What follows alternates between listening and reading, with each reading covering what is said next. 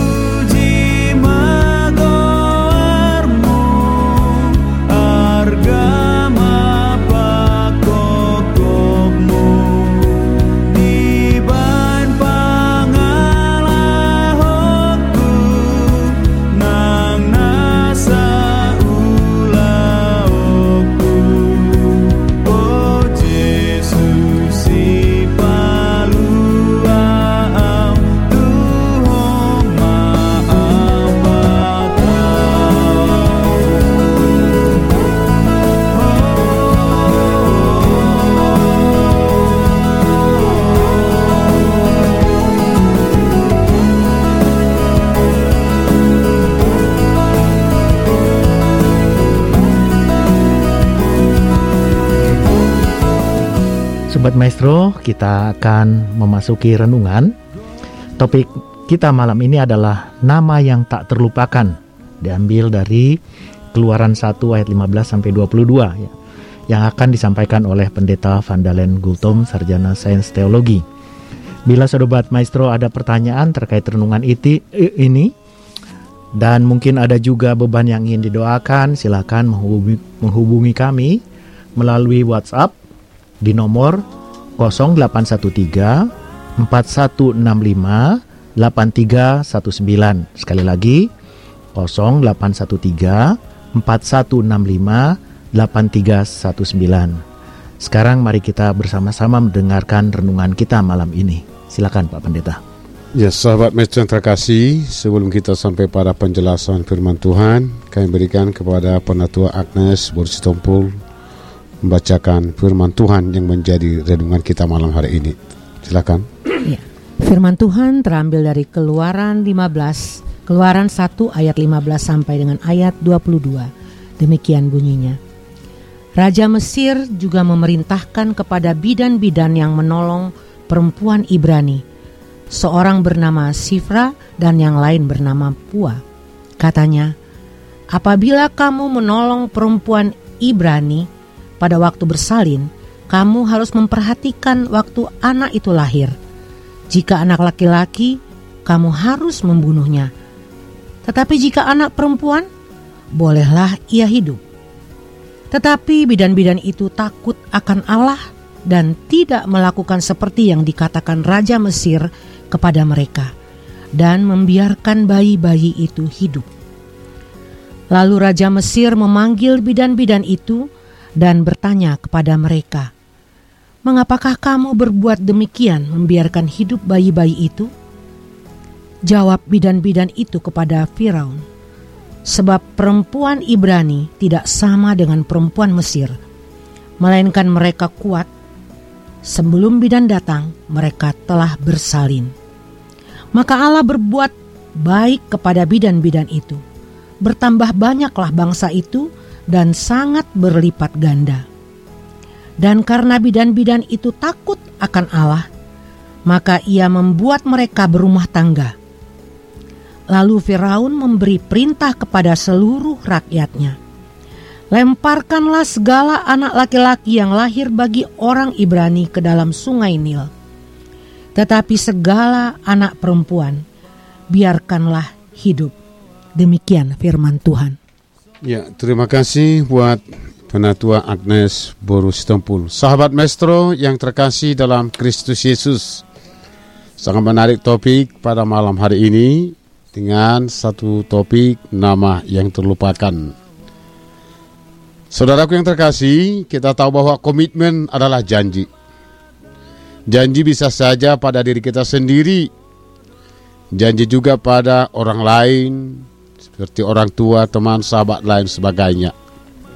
Idealnya setiap komitmen atau janji yang diucapkan harus senada dengan tingkah laku atau perbuatan yang harus dipertanggungjawabkan sebagai perwujudan dari janji atau komitmen tersebut.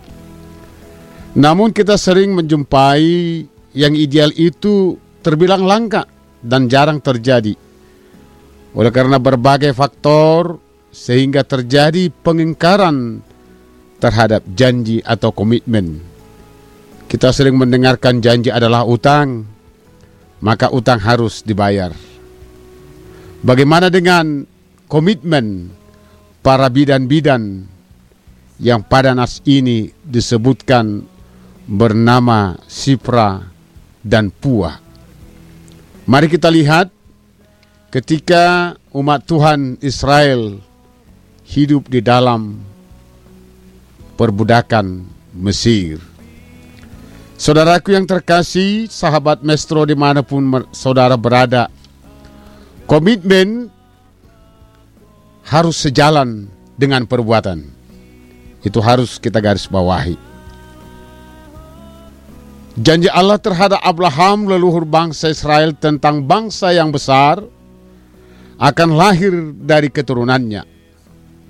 Semakin tampak terujuk ketika Musa hendak lahir di tengah-tengah dunia ini. Sebagaimana yang dikisahkan dalam kitab keluaran, ada dua peristiwa penting dalam sejarah Israel menuju suatu bangsa yang besar. Pertama, kitab dikisahkan di bawah kepemimpinan Musa Israel dapat keluar dari tanah perbudakan Mesir. Itu satu. Yang kedua, melalui Musa Allah memberikan dua loh batu berisi sepuluh titah Allah yang akan menjadi dasar umat Israel dalam bertindak terhadap Allah dan terhadap sesama. Sekalipun demikian, perjalanan umat Israel menjadi bangsa pilihan Allah bukanlah perjalanan yang mudah. Untuk tiba pada janji yang disampaikan Allah pada leluhur mereka, banyak hal yang harus mereka korbankan. Dan umat Israel berada dalam masa-masa sulit. Pertama, setelah Yusuf mati, mereka hidup sebagai budak di Mesir. Hadirnya pemimpin baru di Mesir, Firaun, yang tidak mengingat Yusuf dan jasa-jasa Yusuf terhadap Mesir memberi dampak buruk bagi keturunan Yusuf. Yang kedua, sebelum Musa lahir, Firaun mengeluarkan ultimatum kepada bidan-bidan Mesir untuk membunuh setiap anak laki-laki yang lahir dari perempuan Ibrani.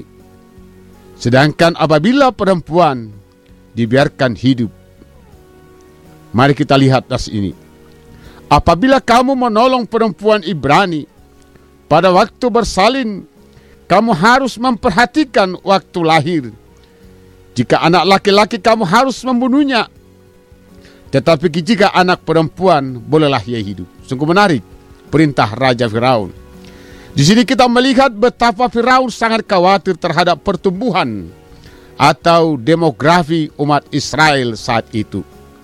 Pada satu sisi kehadiran anak laki-laki akan memperkuat pertahanan Israel. Dan ada kemungkinan jika mereka akan menyerang bangsa Mesir yang memperbudak mereka. Di sisi lain, Firaun juga khawatir akan persoalan upah yang akan diberikan kepada umat Israel akan semakin besar jumlahnya, tentunya mendatangkan kerugian bagi bangsa Mesir. Membiarkan anak perempuan hidup merupakan keuntungan bagi Mesir. Sebab anak perempuan itulah yang nantinya akan diperistri, dijadikan selir-selir raja, dan secara otomatis kemurnian mereka sebagai suku Ibrani akan hilang. Sebagaimana kita ketahui bahwa dalam tradisi Ibrani kuno, garis keturunan diteruskan melalui anak laki-laki. Artinya dengan membunuh anak laki-laki dianggap menghapuskan kebudayaan itu. Inilah situasi yang mewarnai kehidupan umat Israel selama berada di Mesir sebelum Musa lahir. Berbagai upaya dan berbagai ancaman dilakukan Firaun untuk membuat umat Israel semakin lemah pertahanannya. Namun keturunan mereka bahkan semakin banyak. Itu makanya sering kita mendengarkan perkataan semakin dibabat, semakin merambat. Namun dapat kita lihat bagaimana Allah dengan kuasanya mewujudkan janjinya melalui tangan bidan-bidan, khususnya bidan Sipra dan bidan Pua. Ultimatum yang dikeluarkan Firaun tidak merubah prinsip dan panggilan hidup mereka untuk menyelamatkan nyawa seorang bayi melalui proses persalinan. Mereka tidak mendukung apa yang diperintahkan raja mereka. Alkitab mencatat bahwa bidan-bidan ini adalah orang-orang takut akan Allah. Keberanian yang mereka tunjukkan membuat mereka diberkati dan dilindungi Allah dari kekejaman Firaun. Jawab bidan itu kepada Firaun, sebab perempuan Ibrani tidak sama dengan perempuan Mesir, melainkan mereka kuat. Sebelum bidan datang, mereka telah bersalin menjadi alasan mereka ketika Firaun mempertanyakan sikap dan tindakan mereka yang tidak mau membunuh bayi laki-laki sehingga raja marah memerintahkan rakyat untuk melemparkan anak-anak laki-laki. Dan akhirnya ketahutan itu benar-benar terjadi melalui kelahiran Musa yang selamat dari aksi pembunuhan bayi laki-laki di masanya menjadi harapan Israel untuk benar-benar menjadi bangsa perjanjian sebagaimana yang telah dikatakan Tuhan kepada Abraham. Banyak generasi yang telah lahir dan mati sejak keluarga Yakub datang ke Mesir. Pada masa itu juga umat Israel pernah mengalami yang namanya kemakmuran di Mesir. Jika kita melihat secara positif makna penderitaan yang dialami oleh umat Israel, maka kesimpulannya adalah bahwa penderitaan adalah cara Allah untuk membuat mereka tidak betah berada di Mesir dan tempat mereka bukan di situ. Tempat mereka adalah di kanan, tanah perjanjian. Tanah perjanjian di sanalah nantinya umat Tuhan menjadi umat yang besar. Sahabat maestro yang terkasih di dalam Kristus Yesus, Musa diselamatkan bidan-bidan Mesir. Kisah ini hendak memberi pemahaman bahwa dalam situasi dan kondisi hidup yang sedang kritis, yang sedang terbebankan, yang sedang menderita, Allah tetap memelihara dan bahkan sedang mempersiapkan sesuatu yang indah menggantikan penderitaan tersebut sebagaimana yang telah dialami oleh umat Israel bahwa penderitaan yang mereka alami di Mesir berujung pada lahirnya seorang pemimpin yang dapat membebaskan mereka keluar dari perbudakan. Itulah wujudnya dari janji Allah.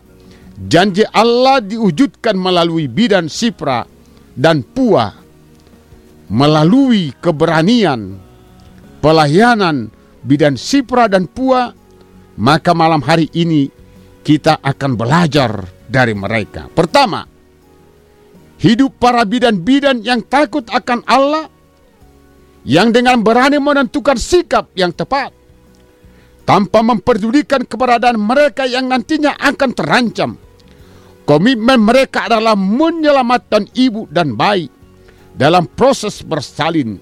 Sikap para bidan ini mengajarkan tentang apa makna suatu panggilan hidup sebagai bidan-bidan yang bertanggung jawab.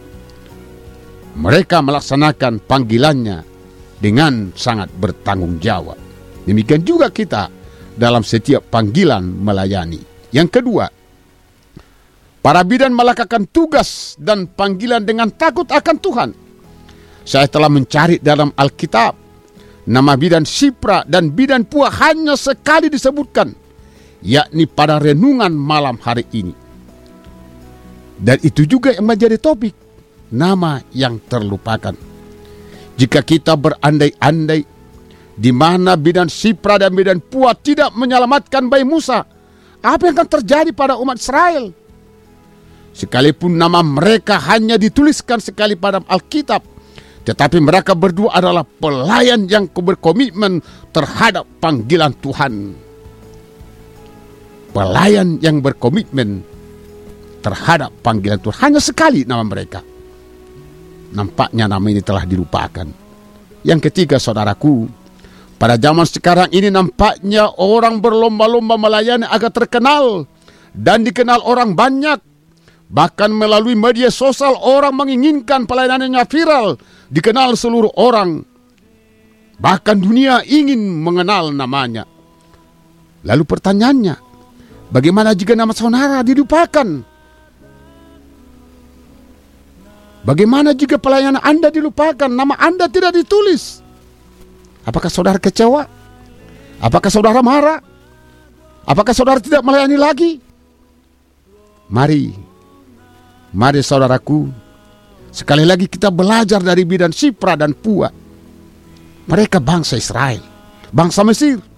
Sekalipun nama mereka hanya sekali dituliskan dalam Alkitab, sekalipun nama mereka dilupakan dunia ini, tapi saya kenal percaya nama mereka yang takut akan Tuhan tertulis dalam kitab kehidupan Bapa di sorga. Oleh sebab itu saya mengajak saudara, mari melayani dengan komitmen. Sekalipun nama saudara dilupakan, sebab pelayanan itu bukan untuk diviralkan, tetapi pelayanan itu hanya untuk kemuliaan di dalam Yesus Kristus. Amin.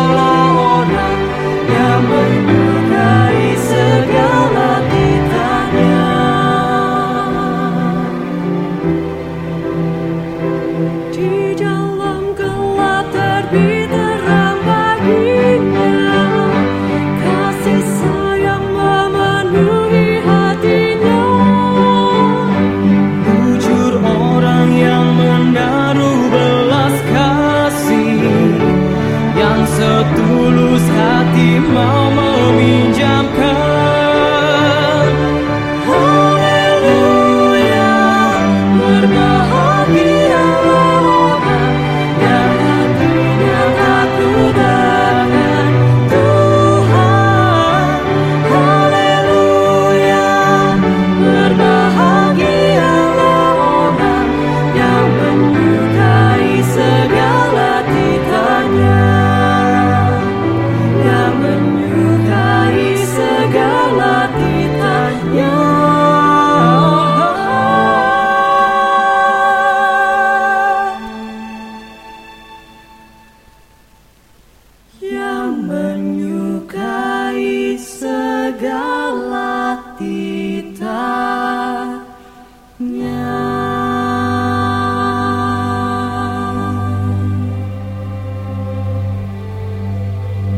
Sobat Maestro, tadi kita sudah mendengar renungan dari pendeta nama yang terlupakan. Nah, kadang kita juga mungkin sering ya ke kita tergoda untuk ingin nama kita selalu dikenang dalam pelayanan kita.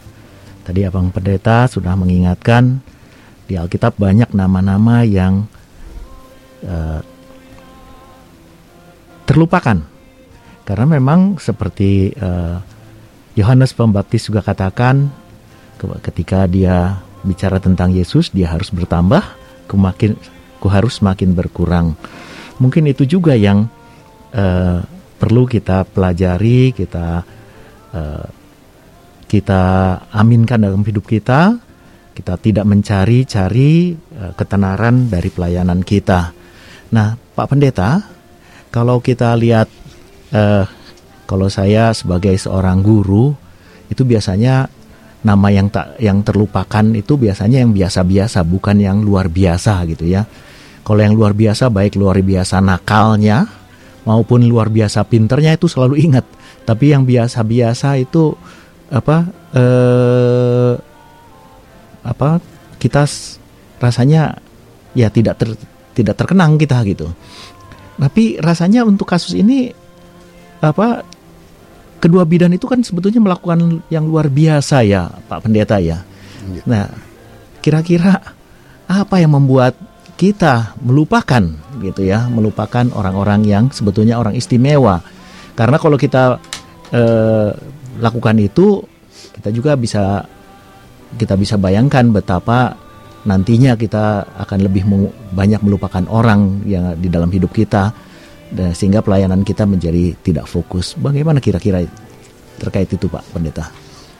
Ya, terima kasih buat Bapak Situa Penatua Melvin Tabarat. Yang sungguh menarik ya. Biasanya orang selalu mengingat yang sungguh spektakuler, yang nakal. Kalau yang baik-baik biasanya tidak telah tidak diingat ya.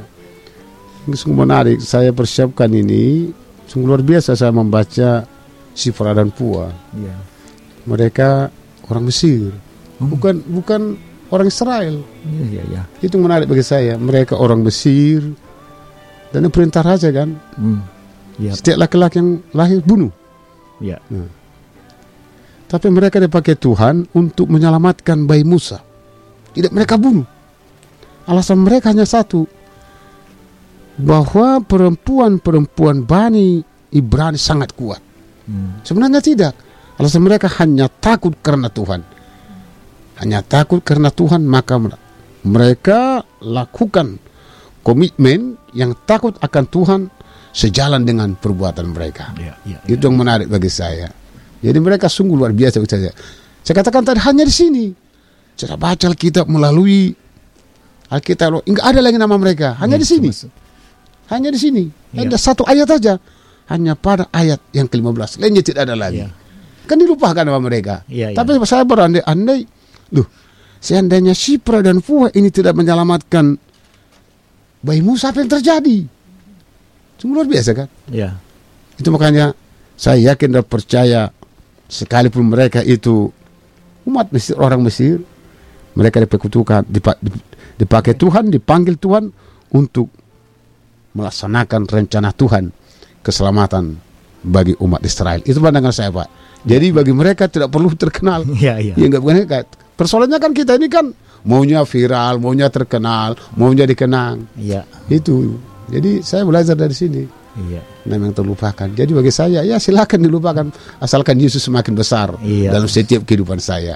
Kira-kira demikian namang penatua kami. Terima Ya, kasih. terima kasih Pak Pendeta. Eh, kami rasanya tidak ada pertanyaan yang masuk.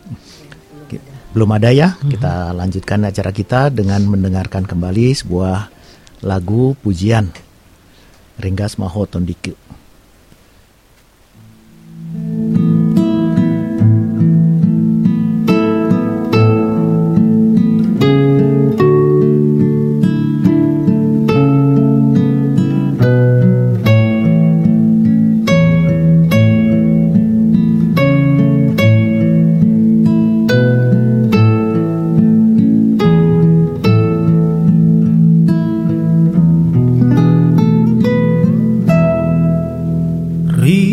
Ringkas maho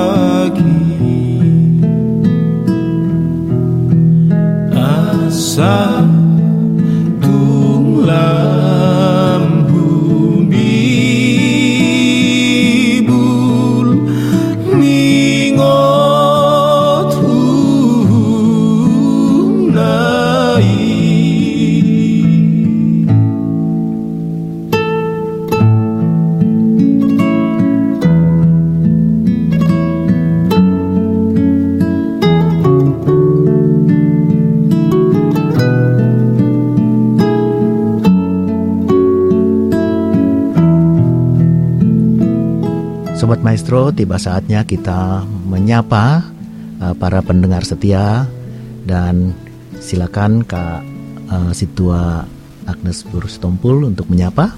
Ya, Sobat Maestro dari Studio 92,5 FM, kami ingin menyapa para sahabat kami yang berada di rumah ataupun di jalan yang sedang mendengarkan Radio Maestro yaitu Ibu Chi Xiu Hua di Kebon Jati kemudian Nyonya Si Hombing Boru Pasaribu Opung Yoan uh, yang sekaligus ibunda Luce Si Hombing.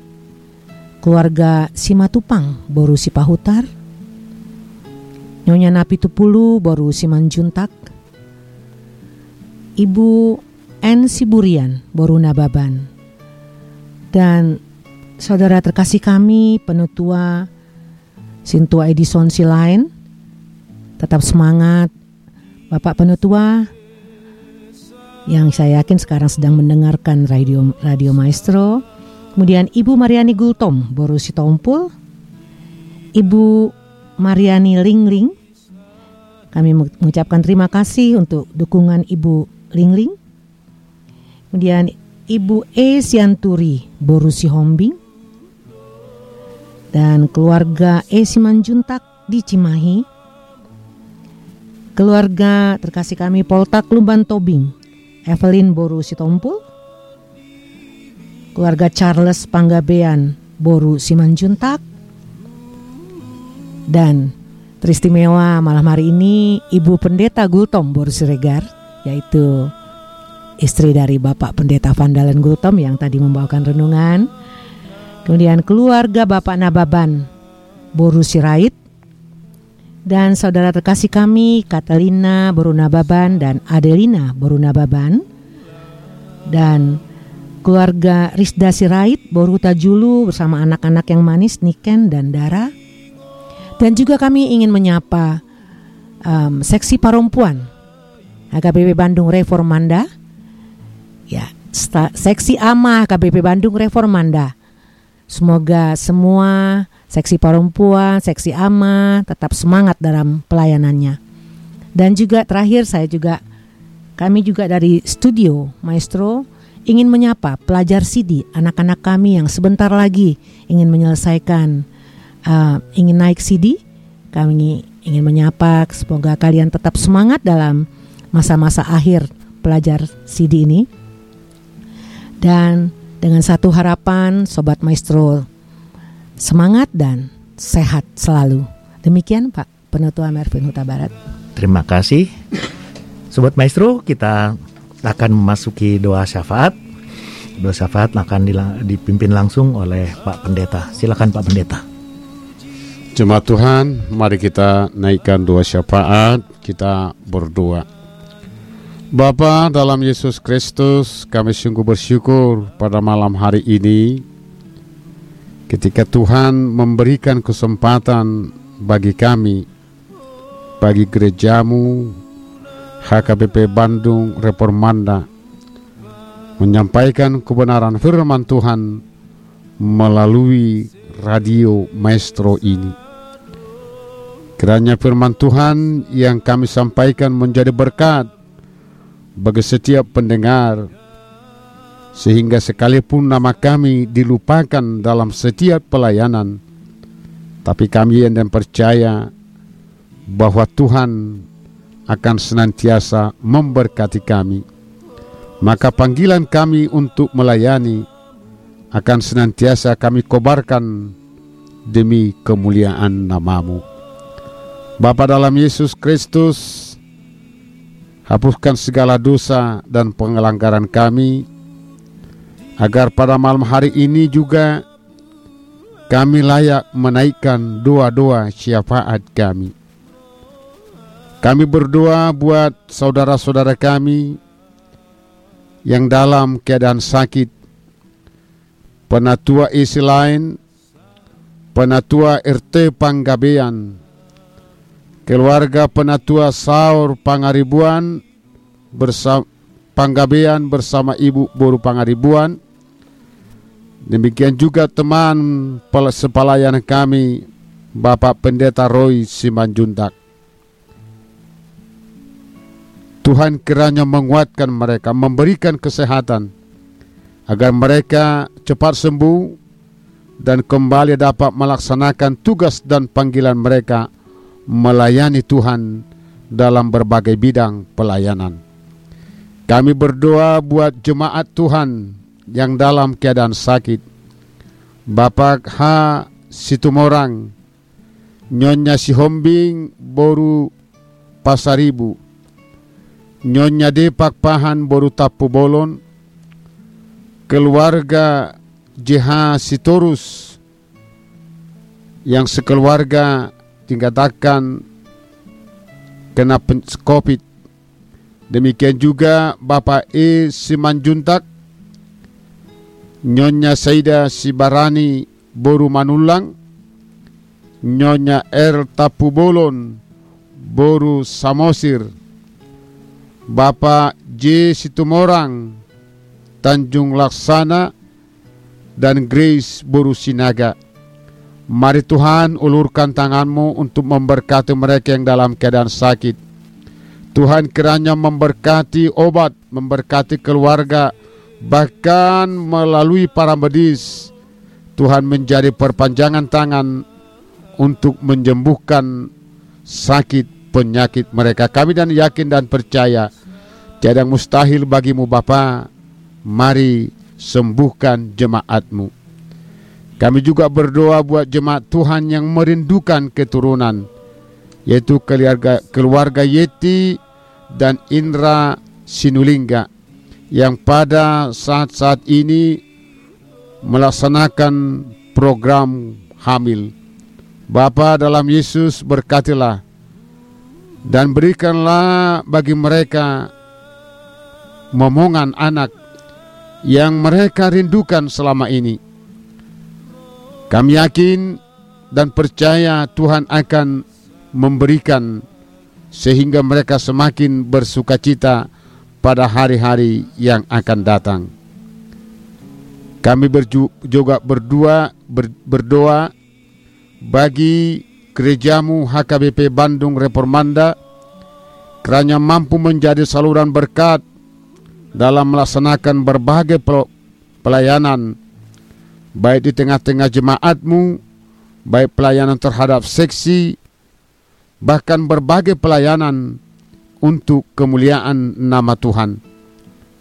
Kami juga berdoa buat Radio Maestro ini.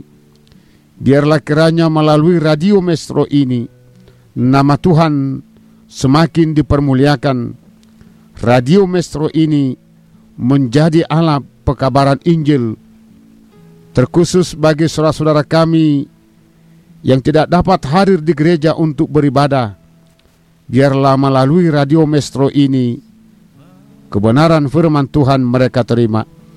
Berkati juga radio Mestro ini pengurus dan yang bekerja di sini agar mereka tetap setia membantu pelayanan penyebaran kerajaan Tuhan.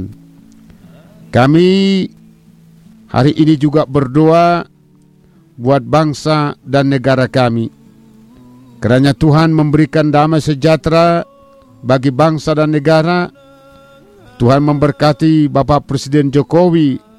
Demikian juga para wakil, para menteri, bahkan seluruh yang berkepentingan mengurus bangsa dan negara kami. Damai sejahtera Tuhan senantiasa hadir sehingga kerukunan antar umat beragama dapat tercipta dengan baik. Terkhusus kami berdoa buat masyarakat kota Bandung. Kerana Tuhan memberikan kesehatan bagi pemimpin Bapak Gubernur di Bandung ini, maka mereka menjadi alat Tuhan untuk menciptakan kedamaian, bahkan ketertiban. Allah Bapa di sorga, kami juga berdoa buat HKBP Distrik 18 Jabar Teng yang dipimpin Bapak Preses Pendeta Pahala Sitorus. Ya Bapak, pada tanggal 1 sampai tanggal 3 Agustus 2022 akan mengadakan sinode distrik. Kerana Tuhan memberkati sinode tersebut, melalui sinode akan melahirkan berbagai pelayanan program untuk kemuliaan nama Tuhan. Ke dalam tanganmu kami serahkan seluruh sinodisten yang akan menghadiri sinode tersebut. Kerana Tuhan juga memberikan hikmat sorgawi bagi Bapak Pareses sehingga sinode berlangsung dengan baik atas berkat Tuhan. Hapuskan segala dosa dan kesalahan kami, agar kami layak menerima berkat dan kasih karunia daripadamu. Inilah doa dan permohonan kami yang kami alaskan hanya di dalam satu nama, Yesus Kristus, Tuhan dan Juru Selamat kami yang hidup. Anugerah Tuhan kita Yesus Kristus, kasih setia dari Bapa Sorgawi, serta persekutuan dengan Roh Kudus, kiranya beserta saudara hari ini sampai selama-lamanya. Amin. Sobat Maestro, kita sudah tiba di penghujung acara kita Renungan Simeon. Sebelum kita berpisah, saya ingin menyampaikan dua pengumuman. Yang pertama, besok Jumat 29 Juli 2022 untuk sektor 1 dan 2 Riawan Tapani Arca Manik dan Patura Mala kita akan berkebaktian doa di rumah keluarga Nyonya Silitonga Boru Tampu Bolon Opo Riko uh, Jalan Citra Raya 20, 12 Antapani. Kita mulai jam 19 besok juga uh, Jumat 29 Juli 2022 sektor 10 Pajajaran akan melaksanakan kebaktian doa bertempat di Gereja KBP Bandung Reformanda dengan tuan rumah keluarga CJ Hutauruk, Ibu Boru Sitanggang, mulai pukul 18. Demikian acara kita Renungan Simeon malam ini. Kita akan berjumpa kembali pekan depan hari Kamis pada pukul 8. Selamat malam.